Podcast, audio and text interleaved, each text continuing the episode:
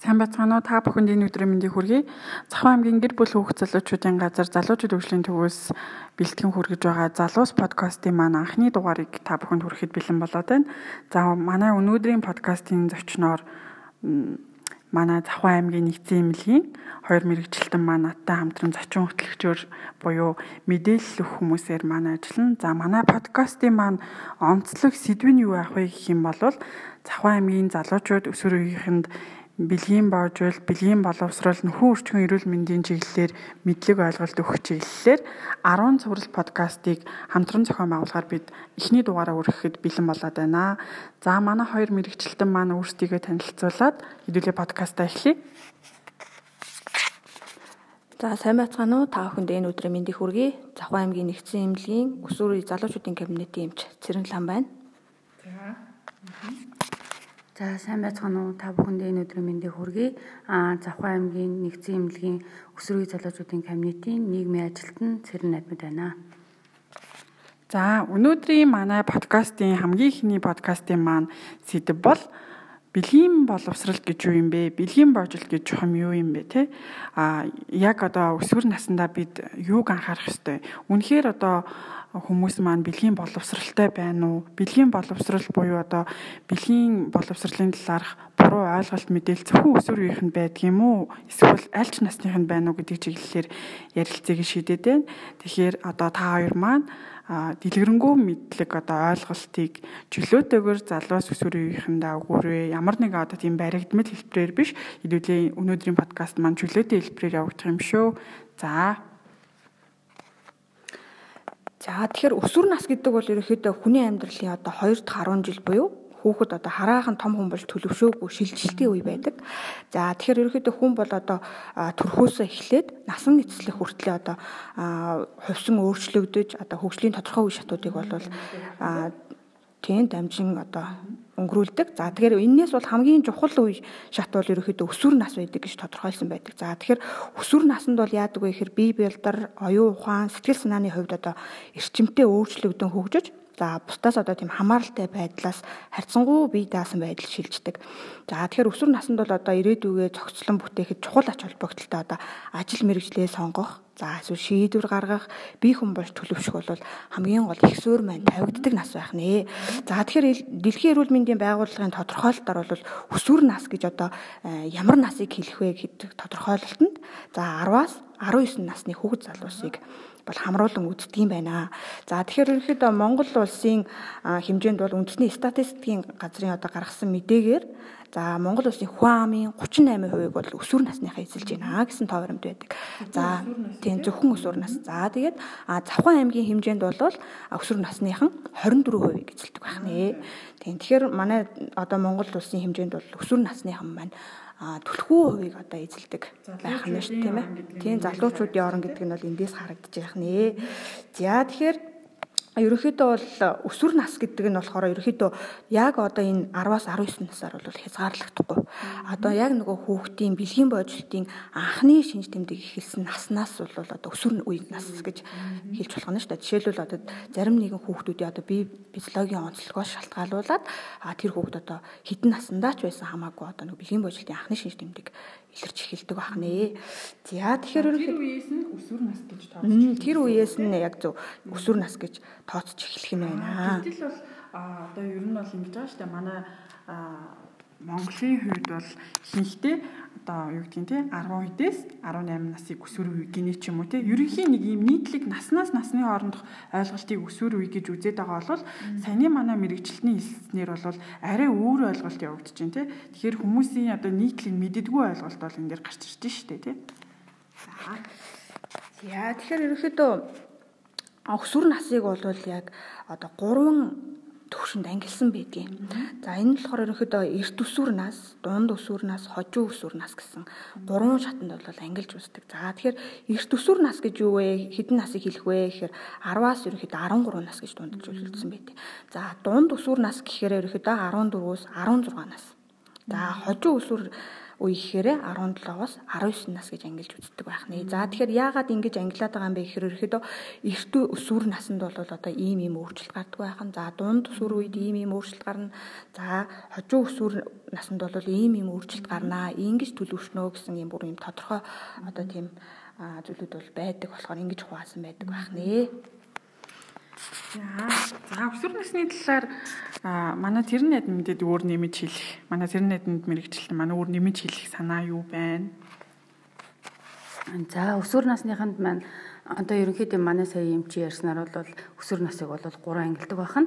Аа тэгээ өсвөр наснд юу тохиолдох вэ гэхээр дөнгөж өсвөр наснд эхэлж байгаа хүмүүст аа сэтгэл санааны тий аа сэтгэл санааны бие махбод аа тэгээ сэтгэл санаа бие махбодын өөрчлөлтүүд тохиолдог. Аа сэтгэл санааны юм гэхээр одоо жишээлбэл тэр хүүхэд зочирдох ч юм уу тий аа жишээлбэл одоо эрэгтэй хүүхдэд хөхн ургаж эхлэх тий аа эмэгтэй хүүхдэд эмэгтэй хүүхдэд хөхн ургаж эхлэх аа эрэгтэй хүүхдэд ямар нэгэн байдлаар ус ургах тий яг л нөгөө гардаг шинж тэмдэг. Тий гардаг шинж тэмдэг. Тэгээд цаашлаад ирэхлээр эмэгтэй хүүхдэд биений юм ирнэ тий. Аа тэгэхээр манай ээж аауд маань эрт дээр үедээ болохоор нөгөө нэг өсвөр насны талаар ойлгол сул байдаг байсан.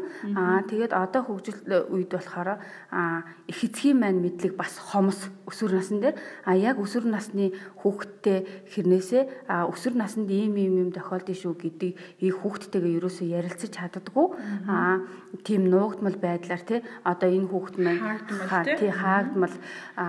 Энэ хүүхэд маань телевизээс ч юм уу багш нараасаа ч юм уу өсвөр насны юуг олоод мэдчихэн гэж боддог сонсдог. Түүнээс биш их эцгээсээ яг өсвөр нас гэж ийм юм байдгийг шүү гэдгийг ерөөсө олж авч чаддгүй байхгүй юу. Тэгээд тийм болохоор их их эцгүүд маань өсвөр насны хүүхэдтэй болвол а өсвөр насны талаар мэдлэг мэдлэгээ дэвшүүлээд а хүүхдтэй өсвөр нас гэж ийм үе байдгийг шүү ингэж өөрчлөгддөг шүү гэдэг талаар бас мэдлэг олох нь зөвхөн юм болоо гэж бодож байна. За баярлалаа. Тэгэхээр өсвөр насны талаар ерөнхийдөө ойлголттой одоо боллоо. Тэгэхээр өсвөр наснд ер нь бэлгийн бодлтын ямар шинж тэмдгүүд илэрдэг юм бэ те? Энэ талаар одоо тодорхой ярил. За тэгэхээр ерөнхийдөө өсвөр наснд одоо ямар шинж тэмдэг үүд илэрдгийг, ямар өөрчлөлтүүд гардгийг гэдэг талаар хэдүүлээ бас дэлгэрэнгүй ярилцгаая. За тэгэхээр ерөнхийдөө бэлгийн бодлтын үед бол ерөнхийдөө а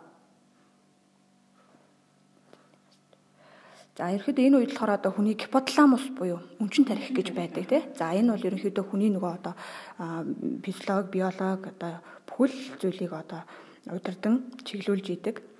Гормоныг одоо ялгаруулж идэг. Одоо ийм чухал одоо хэсэг маань ах нэ. За тэгэхээр энэ гипоталамусаас болохоор ерөөхдөө охтод бол поликул сэдээгч гэдэг даавар ялгарч эхэлсний улмаас дараагийн одоо бэлгийн бочлтын шинж тэмдгүүд илэрч эхэлдэг байна. За мөн хөвгүүдэд мөн поликул сэдээгч гормон болон одоо литвин жилэгч гормон гэж гормон байдаг. За тэгэхээр энэ ялгарснаар за бэлгийн бодлтын шинж тэмдгүүд эхэлж идэг байх нэ.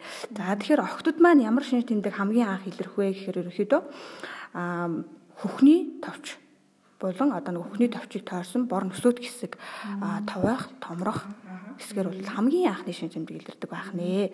За тэгэхээр А энэ үе болохоор одоо яг хідээс хідэн насанд анх эхэлдэг вэ гэхээр ерөөхдөө бол дунджаар 11 нас гэж үздэг. А гэхдээ тухайн нөгөө хүүхдийнхаа бие физиологийн онцлогоос шалтгаалуулаад тийм аа энэс шалтгаалаад ерөөхдөө 8-аас 13 нас гэж үздэг. Тийм тэгэхээр ерөөхдөө харьцан харилцан адилгүй байдаг байна шүү дээ тий. За тэгэхээр ерөөхдөө А хүүх ургаж эхэлснээс хойш ерөөхдөө 2-6 сарын дараагаас умдагны ус ургаж эхэлдэг байна. За умдагны ус ургаж эхэлснээс хойш ерөөхдөө дунджаар дунджаар штэ тий 2 жилийн дараагаар ерөөхдөө анхны сарын тэмдэг үзэгдэж эхэлдэг байх нэ. За тэгэхээр за охтод бол ерөнхийдөө ийм өөрчлөлтүүд илэрдэг байхан. За тэгээд мөн одоо миний түрүүний ярьсан нөгөө эрт өсвөр үе, дунд өсвөр үе, хожуу өсвөр үе гэдээ ярьсан шүү дээ. Дунд охтод бол ерөнхийдөө дунд өсвөр наснд нөгөө бие физиологийн хувьд нөгөө өндөр болох одоо тэр үйл явц бол хамгийн хурдтай байдаг бахан. Хөвгүүдээс хамаагүй өсөлөн болоод хургаалдаг дээ. Төрүүлж төрүүл. Ерөнхийдөө хөвгүүдээс бол дунджаар одоо нэг 2 жилээс 2 жилийн наснаас өмнө одоо ерөнхийдөө өндөр болох юм уу бэлгийн боожлтын анхны шинж тэмдгүүд ерөнхийдөө хөвгүүдээс төрүүлж илэрдэг байна шүү дээ охтод тий. За. Тэгэл ягаа нөгөө ангид чинь одоо тий хөвгүүд нэг ингээл нэг жижиг гэх охтууд нэг өндөр өндөр. Өндөр охтууд байдаг шүү дээ тий. Энэ үе дээр бас нэг анхааруулжтай зүйл нь болохоор охтууд одоо хөвгүүдээс илүү хөгжил нь одоо түргэн яваад эхлэнгүүд нөгөө хөвгүүдийн зүгээс охтуудынхаа шоолох ч юм уу чиний хөх ургацсан байна ч юм уу иймэрхүү зүйлсэд бас яг энэ үед гарч эхэлдэг байхгүй тий. Тэгэхээр энэ дээр ч гэсэн бас багш нар болон эцэг эхчүүд бас анхаармаар. Яг энэ үед одоо нөгөө ямар нэгэн байдлаар бусдаас ирж байгаа нэг тийм одоо юу гэдгийг те чиний ингэсэн байна ингэсэн байна гэдэг үг нь охтууд маань эмзэг хандаад нөгөө биеийн тамирд орохгүй ч байх юм уу? Өөрийгөө хит одоо нөгөө юм бүрэх чимхий болох ч юм уу? Энэ зүйл байдаг. тийм тэгэхээр энэ дээр ялангуяа өсвөрийн зөвлөгчүүд эцэг эхчүүд багш нар аягуулсан анхаарах хэрэгтэй юм байна гэдгийг би бас их анзаарч исэн 2 3 тохиолдол дээр анзаарч исэн болохоор дундуур навчуулаад хэлчихье гэж бодож байна. За. За. За тэгэхээр ерөөхдөө охтын одоо сарын тэмдэг ирээд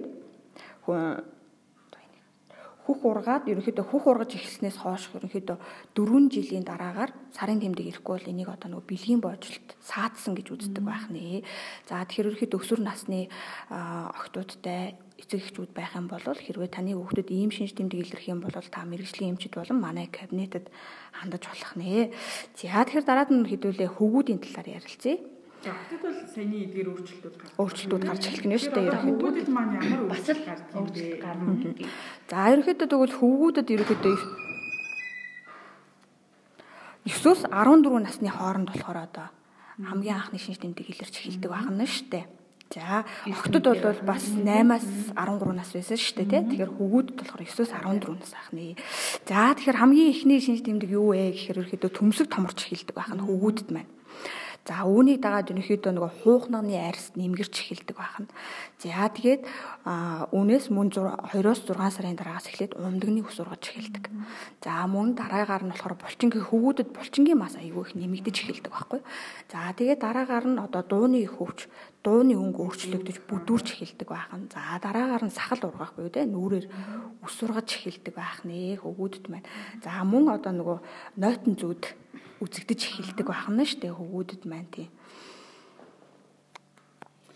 За тэгэхээр хөвгүүд өхтөд гардаг одоо өөрчлөлтийн талаар хэдүүлээ ярилцлаа. Тэгэхээр ер нь энэ эцэг эхчүүд жишээлбэл мэдээж хүүхд нөхсөр наснд одоо хүртлээ өөрчлөлтүүд гарч эхэлж байна гэдгийг анзаардаг, ойлгодог. Тэгсэн хэрнээ за одоо юу гэдгийг те энэ өөрчлөлт нь байх зүйл юм ба ч юм уу. Эсвэл бол энэ өөрчлөлт нь цаашлаад ахаад үргэлжлээд ийм ийм өөрчлөлт чамд илэрнэ шүү гэдэг талаар ер нь ярилцдаг болов ер нь ярилцах нь бол миний бодлоор бол ховор ягаад гэвэл яг миний одоо өсвөр наснд бас л ер нь ховор байсан.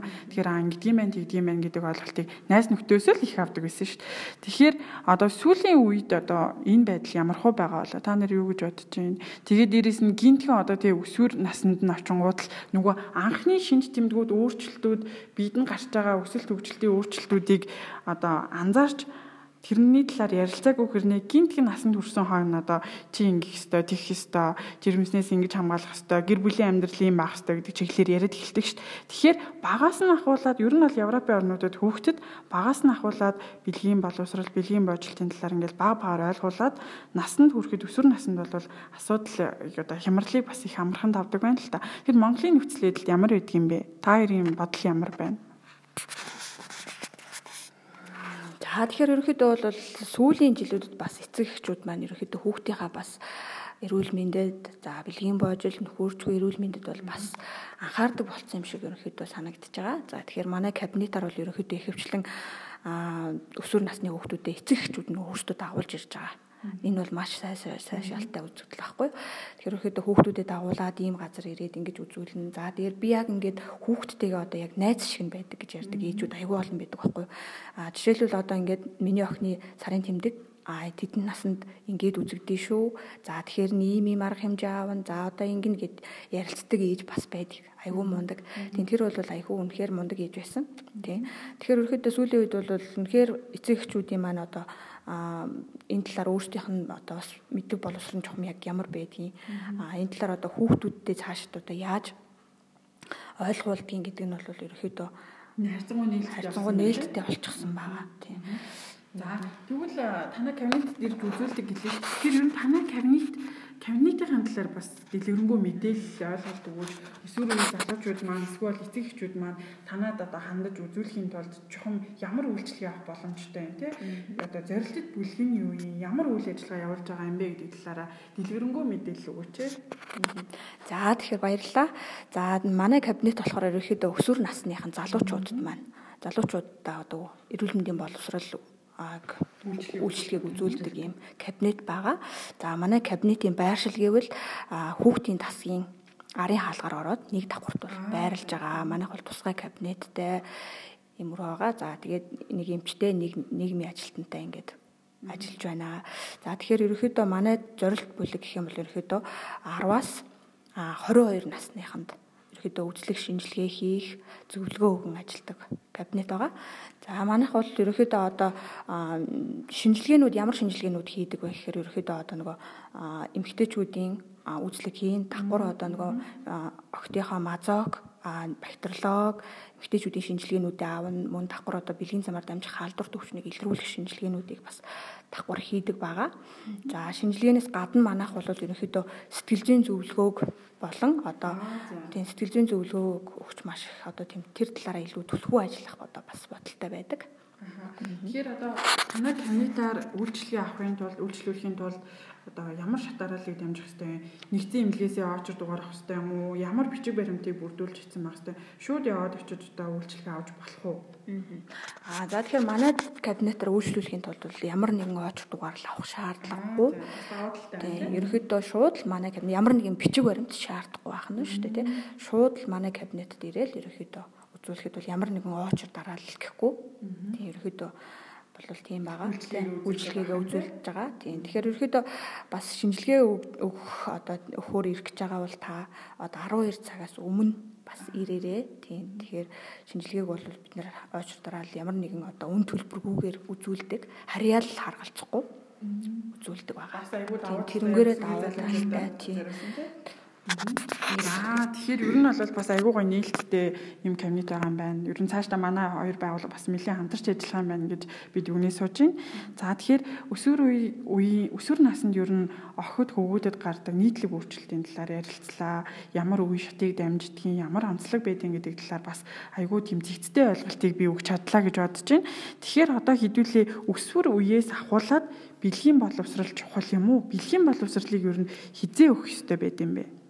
Манай ер нь монголчуудын бэлгийн боловсролын ойлголт ер нь бэлгийн боловсрол ямар нөхцөл байдалтай байгаа. Би бас нэг сүулт ингээд уншиж хахад сая ч гэсэн би дурдлаа шүү дээ. Европын оронд бол ингээ баг нөгөө хүүхдүүд яагаад гэдэг асуултуудыг асууж эхлэх үеэс нь ингээд баг багаар ингээ ойлголтыг өгөөд эхэлдэг байна л. Ээжээ би одоо таны хаанаас төрсөн бэ гэд асуунгууд нь одоо манай монголчууд л тэгдэж шүү өө чамааг одоо юу лээ өөрөв тас авчирч гисэн юм аа миний охиныг эсвэл бол шивганаас төрсэн юм аа. Эсвэл хүүснээс төрсэн гэд иймэрхүү ойлголтыг өгөх нь хүүхдэд нөгөө буруу ойлголтыг өгж байгаа. Боловсрал олгох хэрэгтэй. Бэлгийн боловсралыг олгох хэрэгтэй. Байтал багаас нь буруу ойлголтыг өгж гин гэсэн үг шүү дээ. Гэтэл Европын орнуудад болохоор ингэж хэлдэг гинэ. Би зүгээр ийм э, судалгаа уншиж ирсэн ээж нь ээжд нь аав нь үр өгөөд ээж нь тэр үрийг маш одоо ингэж сайхан хайрлж хамгаалж хоолож усалж ингэж анхаарал хандуулсаар агаад нэг л өдөр чи тэр үрнээс би болсон гэд инхээр нөгөө хүүхэд чинь аа ээж аварын дунд болдог үйл явцаас би төрсөн юм байна штэ гэдэг ойлголтыг баг багаар аваад нас насных нөгөө асуудаг асуултууд нь тохируулсан хариултыг өгөөд явхаар одоо өсвөр наснд очиход нь ярилцахад илүү амархан болдог байна л да. Гэтэл манай Монголын хувьд болохоор нөгөө өсвөр наснд нь хамаг юмыг өгөх гээд нөгөө асуудлууд үүсээд а гítэл нөгөө хүүхд чинь багаасаа ээж автагаа нийтлэг одоо нээлттэй ярилцаагүй улмаас өсвөр наснд бол нэлээд одоо энэ асуудлын талаар холдолт үүссэн байдаг гэж сонсч байсан. Тэгэхээр энэ одоо үнэн үү? Эсвэл бол энэ бас би буруу мэдээлэл авсан уу? Яг нөхцөл байдал жишээлбэл яг ямар хуу байгаа вэ? Тэгээ бэлгийн боловсрал гэж юу юм чухам юу вэ?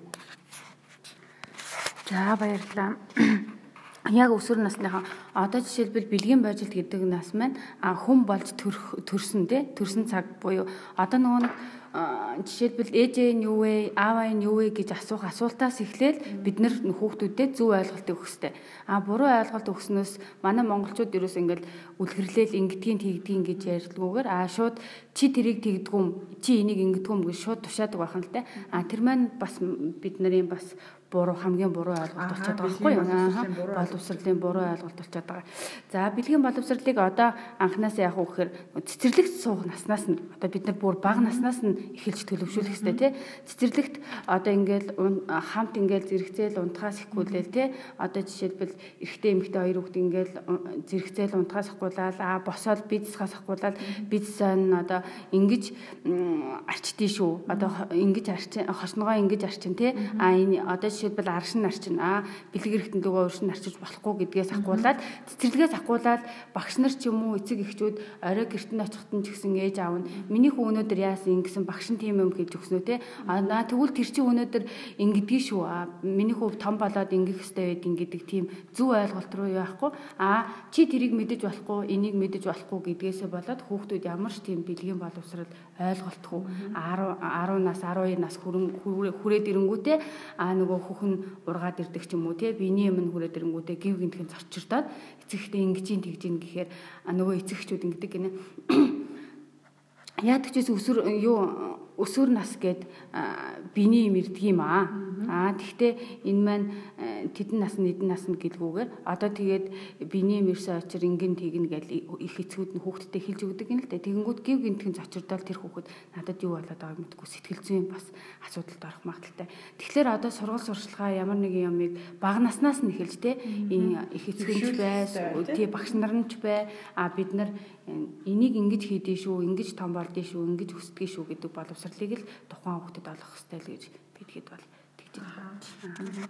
Тэгэхээр нөгөө бэлгийн боловсрал гэдэг маань өөр айгүй агуулга хүрээ өргөн ойлголт те. Гэтэл яг бэлгийн боловсролын талаарх одоо юу гэдгийг ташаа ойлголтууд зөвхөн өсвөр насных нь байна уу гэвэл бас үгүй гэж би ойлгоод байгаа. Тэгэхээр бэлгийн боловсролын талаарх одоо ташаа ойлголтууд бол одоо 40 настай, 50 настай, магадгүй 60 настай хүнд ч ташаа ойлголтууд байж болохоор байгаа байхгүй. Тэгээд эдгээр хүмүүс маань ташаа буруу ойлголттой байна гэдэг маань эргээл өсвөрнөөс бага балчир насныхан маань буруу ойлголттой болж байна гэсэн. Одоо сая яг Цэрэн найдмад мэрэгчлэний маань хэлсэн дээр хэлэхэд бол анх биений юм ирэхэд муудаг тий. Би надад юу тохиолдож байгаа ч юм уу эсвэл бол би одоо ингээд одоо надаас ингээд цус гараад би өгөх гэж байгаа юм байна гэсэн ойлголтыг авч исэн хүүхдүүд байдаг байхгүй юу. Тэгэхээр за энэ нь ийм юм шүү гэдэг ойлголтыг багаас нь өгөх юм бол одоо хүнд бас айгүй хэрэгтэй зочрлыг бага авна гэсэн ойлголт байх нь тий. Тэгэхээр одоо бэлгийн боловсрал чухам яагаад чухал юм? Яагаад бэлгийн боловсралыг бид нэр чухалчилж өсвөр үеийнхэн зөв ойлголт мэдээлэлтэй байх хэрэгтэй гэдэг юм бэ? Явж явж бэлгийн боловсрал гэдэг зүйл маань бид нарыг юунд хүрэх гээд байгаа юм бэ? Энэ аюул чухал асуулт гэж би бодоод байгаа байхгүй юу? За тэгэхээр ерөөхдөө яагаад одоо энэ талаар мэдчих хэвээр вэ гэвэл бид бүхэн одоо гэр бүлээ зөв төлөвлөж явах хэвээр ахын тий. За хоёрдугаарт нь ерөөхдөө өөрийгөө одоо учирч болцшгүй эрслээс хамгаалж явах хэвээр ах нэ. За энэ эрсэл гэдэг нь юу юм бэ гэвэл одоо нөгөө бэлгийн замаар дамжих халдварт өвчнүүд ах нь шүү дээ тий. За эдгээрээс хамгаалж явах нь байна. За тэгээ гэр бүл төлөвлөлөөс одоо нөгөө хөөхд одоо тээж төрүүлэхэд жишээлбэл мэдээж одоо суур ойлголт нь буруу байгаа хүмүүс өөрийнхөө биеийг яаж авч явах вэ те энээс үүсээд ямар гажуудлууд үүсч болох уу гэдгээс сэргийлээд эцсийн дүндээ бат бөх зөв гэр бүл сайн одоо зөв хөвгтийг бий болохын тулд бэлгийн боловсрал гэдэг маань чухал болоод байна гэсэн ойлголт байна шүү дээ те За би бол тийж ойлгоод байна. Тэгэхээр энэ дээр та хоёр маань дэлгэрүүлэх зүйл байвал дэлгэрүүлээрэй.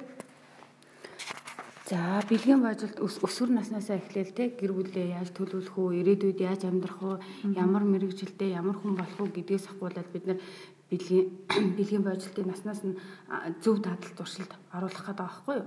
За хамгийн гол нь ирээдүйд тэр хүүхэд хүсэл мөрөгдөлтэй байгаа тий. Одоо жишээлбэл би ийм том мундаг эмч хүн болно. Аа тэгээд ийм гэр бүлтэй болно. Тичнээ хүүхэд төрүүлнэ гэл ингээл хүний хүсэл мөрөөдөл бол агуу их штэ тий. Тэгэхээр тэрэнд нь зөв хөтлөхийн тулд бид нар өнөөдөр бэлгийн боловсрол гэдэг тий ойлголтыг тэр хүүхдэд зөвөр үлгэр дуурайл болгож а зөвөр ойлгуулах хэрэгтэй. Эхнээсээ л зөв ойлголттой байгаад а зөвөр юу сургуулаа төгсөөл зөвөр гэр бүлээ төлөвлөөл те тухайн амьдралдаа зөвл алхмыг хийх юм бол бидгээд бэлгийн боловсрлоо зөв ойлголт өгчээл гэж ойлгох хэрэгтэй. Ер нь бол хураангуулаад хэлэх юм бол бэлгийн боловсрал маань хизээ юунд хэрхэн бэлтэх вэ? Би юуг яаж зөв зохистой хийх вэ ч юм уу те төлөвлөлтийн талаар ойлголттой болж байна гэсэн үг байна шүү дээ. Тэгэхээр та хоёр дээр маань одоо зөвлөгөө мэдээлэл авахар ирж байгаа өсвөр үе залуучууд ихэнхдээ одоо юу гэдгийг те бэлгийн боловсрал бэлгийн боожлтын талаар ямар сөрөг ойлголт хандлагатай эсвэл буруу тушаа мэдээлэлтэй байх тохиолдол байдаг уу? Жишээ дурдвал ямар байна вэ? За тэгэхээр ерөнхийдөө тийм өсвөр насны хүүхдүүдийн дунд бол за тийм буруу ойлголтууд бол бас мэрсэл байдаг юм шиг байгаа. За одоо жишээлбэл охтууд маань одоо эрэгтэй хүн бидсаад гарсны дараа одоо 0-д оруулж ирэмсэн болдгоо ч гэдэг юм уу тий. Одоо хүртэл тийм ойлголт байх уу тий. Тийм. Тэгэхээр ерөөхдөө тийм ойлголтууд бас байд юм. Ерөөхдөө байдаг юм шиг санагдсан. Ерөөхдөө хүүхдүүд заримдаа асуудаг байхгүй юу. Тэгэхээр ингээд жишээлбэл иймэрхүү одоо тийм буруу ойлголтууд бол зөвхөн өсвөр нас гэхгүй даа гэсэн түрүү ярьсан шүү дээ тий. Одоо манай эцэг эхчүүд ч байд юм уу одоо ерөөхдөө насан туршидын донд ч гэсэн энэ асуудлууд бас мэрсэр байдаг юм шиг байгаа юм тий. Тэгэхээр би бол одоо арайч тийм юу байхгүй байх гэж бодсон. Дээхний үед бол эрэгтэй хүүхдийн хажууд талд цаах юм бол жирэмсэн болдог гэдэг ойлголттой байсан гэж надад бүр миний нэг танил ихч маань одоо одоо 60 настай хүн хичэлж байгаа байхгүй. Тэгэхээр эцэг эхчүүд одоо хүүхдтэйгээ яаж хэрхэн харилцдаг байсан тэр үед мэдлэг боловсрал ямар бас дутмаг байсан бэ? Мэдээллийн их усрууд ямар дутмаг байсан бэ гэдэг бол харагдаж байгаа. Тэгэхээр одоо ч гэсэн бас тийм зүйл асууж байна гэдэг маань бас л бид нэр их л сайн ажиллах хэрэгтэй, ойлголтыг түгэх хэрэгтэй л байгаа юм байна тий. За та хоёр маань өөр дэлгэрүүлээд одоо жишээлбэл ярих зүйл юу байна? анхааруулах ч юм уу те яг өсвөр насны дээр бид нар юуг анхаарах ёстой юм бэлгийн боловсрол дээр бид нар хамгийн чухал нь юуг анхаарах ёстой юм бэ гэдгийг анхааруулгаар хэдүүлээ өнөөдрийнхөө дугаарыг өндөрлөх үү Тэгээд а одоо бидний анхны подкасттай холбогдлолтой эсвэл дараа дараа ийм сэдвэр яриач гэсэн одоо санал хүсэлт байх юм бол нээлттэйгээр бидний подкастын доор санал хүсэл комментэ бичээрэй гэж хэлмээр байна. За тэгээд микрофоноо шилжүүлье. За тэгэхээр бид тэгэхэд одоо яг ярилцаад одоо зөвхөн бие бялдрын хувьд биш те бас сэтгэл санааны хувьд маш том өөрчлөлтүүд ерөнхийдөө хүүхдүүд гарч идэг. Тэгэхээр энэ талаар товчхон бас дурдъя гэж бодлоо л да. За тэгэхээр ерөнхийдөө одоо нөгөө эрт өсвөр насндаа байгаа хүүхдүүд бол ерөнхийдөө одоо нөгөө эцэгийнхээ үгэнд орохгүй байх юм уу эсвэл найз нөхдийнхээ үгийг илүүчлэх ч юм уу. За эсвэл одоо өөрийгөө одоо гэр бүлийнхээ хүрээнээс ерөөхдөө салгаад хувь хүн болгож ерөөхдөө өөрийгөө ингэж төсөөлдөг байна шүү дээ.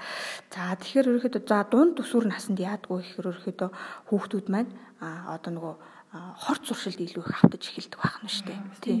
Нөлөөл бусдын нөлөөнд өртөхдөө энэ үед одоо жишээлбэл 14-өөс 16 наснд хамгийн их өртөмхий байдаг байна шүү дээ. Тий. За хорт зуршил бол ерөнхийдөө одоо одоо миний эрүүл мэндэд муу шүү гэдгийг ойлгодог, мэддэг хэрнээ одоо үе тэнгийнхний дарамт шахалтанд ч юм уу эсвэл за чи нэг энэ тамхиг татчихаа чи яавал гэжтэй ч гэдэг юм уу те найз нөхд нь одоо би татаалаа штэ чи татахгүй. Одоо жишээлбэл чи тамхиг татахгүй бол чамааг ямар эр хүн гэдгийг ч гэдэг юм уу те. За аль эсвэл одоо өөрийнхөө үе тэнгийнхаа одоо насны охтуудад гой харагдах гад ч юм уу. Одоо тиймэрхүү байдлаар ингээд айгүй хорт суршилт ялангуяа одоо тамхинд айгүй хүүхдүүд маань ордог. За энэ үед маш их эрсдэлтэй олон зүйлүүдийг хийдэг байна шүү дээ. Ерөнхийдөө тийм эрсдэлтэй зүйлүүдийг маш их хийдэг. Өөрийнхөө эрүүл мэнд ерөнхийдөө амь насанд аюултай тийм зүйлүүдийг айгүй хийж эхэлдэг байхгүй. Буруу шийдвэрүүдийг айгүй их гаргадаг. Одоо энэ үед жишээлбэл арх хамсаж үздэг ч юм уу те. За эсвэл бэлгийн харьцаанд орж үздэг ч юм уу. За аль эсвэл одоо аав ээжийнхаа машиныг одоо унж үздэг ч юм уу те. Одоо нууцаар ч юм уу ямар нэгэн байдлаар унж үздэг ч юм уу. Иймэрхүү тохиолдлууд айгүй их гардаг байхгүй. За жишээлбэл одоо жолоо барьснараа ч юм уу те ээж аавынхаа зөвшөөрлгүйгээр ч юм уу те ямар нэгэн тийм жолоодох хэрэггүйгээр одоо машин барьсны улмаас ч юм уу хосол гаргах өөрөө одоо насан туршдаа одоо эрүүл мэндээрээ хохирох одоо тийм тахир дутуу болох ч юм уу тийм эрсдлүүд маш их байдаг. За тэгээд ерөнхийдөө одоо хожуу өсвөр нас буюу одоо 17-аас 19 наснд бол хүүхдүүд ерөнхийдөө л одоо суур төлөвшил нь айгүй их тавигдаад эхэлсэн байдаг. Одоо ерөөхдөө би хийм бэ те ирээдүйд одоо ямар мэрэгжил эзэмших үү? За жишээлбэл би одоо ямар хүнтэй гэр бүл болох вэ? За одоо би хэдэн хүүхэдтэй болох уу? За ирээдүйд юу яаж амьдрах юм бэ? За ямар нэгэн асуудал тулгархад тэрийг одоо ингээд шийдэх чадвар нь арга барил нь ерөөхдөө суралцаад ерөөхдөө насанд хүрсэн хүний одоо төвшөнд ерөөхдөө ойртож идэг шүү дээ. Хүүхдүүд маань төлөвшил нь бол явагдаж идэг шүү дээ. За тэгэхээр өнөөдрийн маань подкаст бол үнэхээр одоо үр дүнтэй байгаа хаа гэж бодож байна сонсогчд маань тий. За тэгээд дараа дараагийнхаа одоо подкастын дараагийнхаа цувралуудаар бид бүхэн бас та бүхэндээ та бүхнийхээ саналыг бас харгалзаж агаад дараагийн сэдвээ бас бид бүхэн сонгоод ярилцаж болно гэж бодож байна. За тэгээд а эцэст нь хэлэхэд бол манай одоо кабинетаар та бүхэн маань үйлчлүүлээрэ. Манай кабинетийн үе таалга бол та бүхний өмнө үргэлж нээлттэй байгаа шүү. За баярлалаа. Тэгэхээр ер нь бол өнөөдрийн подкастаар бол бас нэлээд хідэн багц ойлголттой болсон баха гэж бодож байна. За манай аймагт маань ийм кабинет өсвөр үе залуучууд залуучууд маань зориулсан кабинет ажиллаж байгаа юм байна. За тэгээд ер нь те одоо бэлгийн боожил бэлгийн боловсрал гэж юу юм бэ гэдэг талаар бүр нарийн яриаггүй ч гэсэн ерөнхийн нөгөө нэг өсвөр үеийнхний маань ойлгох гээд байдаг нэгнээсээ ингээд сонсоод байдаг буруу одоо ташаа ойлголтыг багцлсан хэлбэрээр зөв ойлголт руу чиглүүлсэн ийм подкаст боллоо гэж дүгнэж байна. Тэгэхээр сая одоо өсвөрийн залууч залуучууд зориулсан кабинет ажиллаж байгаатай адилхан манай гэр бүл хөгжлөлтүүдийн газар дээр ч гэсэн залуучууд үйлчлэлийн төв гэж бас ийм үйл ажиллагаа явуулаад одоо жигдэрсэн ийм сайхан байгууллага байна. Тэгэхээр манай залуучууд өсвөрийн зориулсан эдгээр хоёр байгууллага байгууллага дээр маань өсвөрийн залуучууд маань ирж үйлчлэгээ аваарай, санал онлоо хуваалцаарай. Одоо тий хамтарч ажиллах зүйл байвал бас бидэнд одоо чөлөөтэй хүлээж авна шүү гэж энэ сайхан уриалгаар хэдүүлээ ингээд өнөөдрийнхээ подкастыг өндөрлөе өнөөдөр манай зочноор оролцсон цаашид бас хамтарч ажиллахаар подкастн дээр маань хамтрахаар ажил одоо үргэлжлэн ирсэн хоёр зочиндоо баярлалаа. Тэгэхээр та хоёрынхаа ажилд амжилт хүсье. Дараагийн подкастаараа хэдүүлээ уулзцгаая.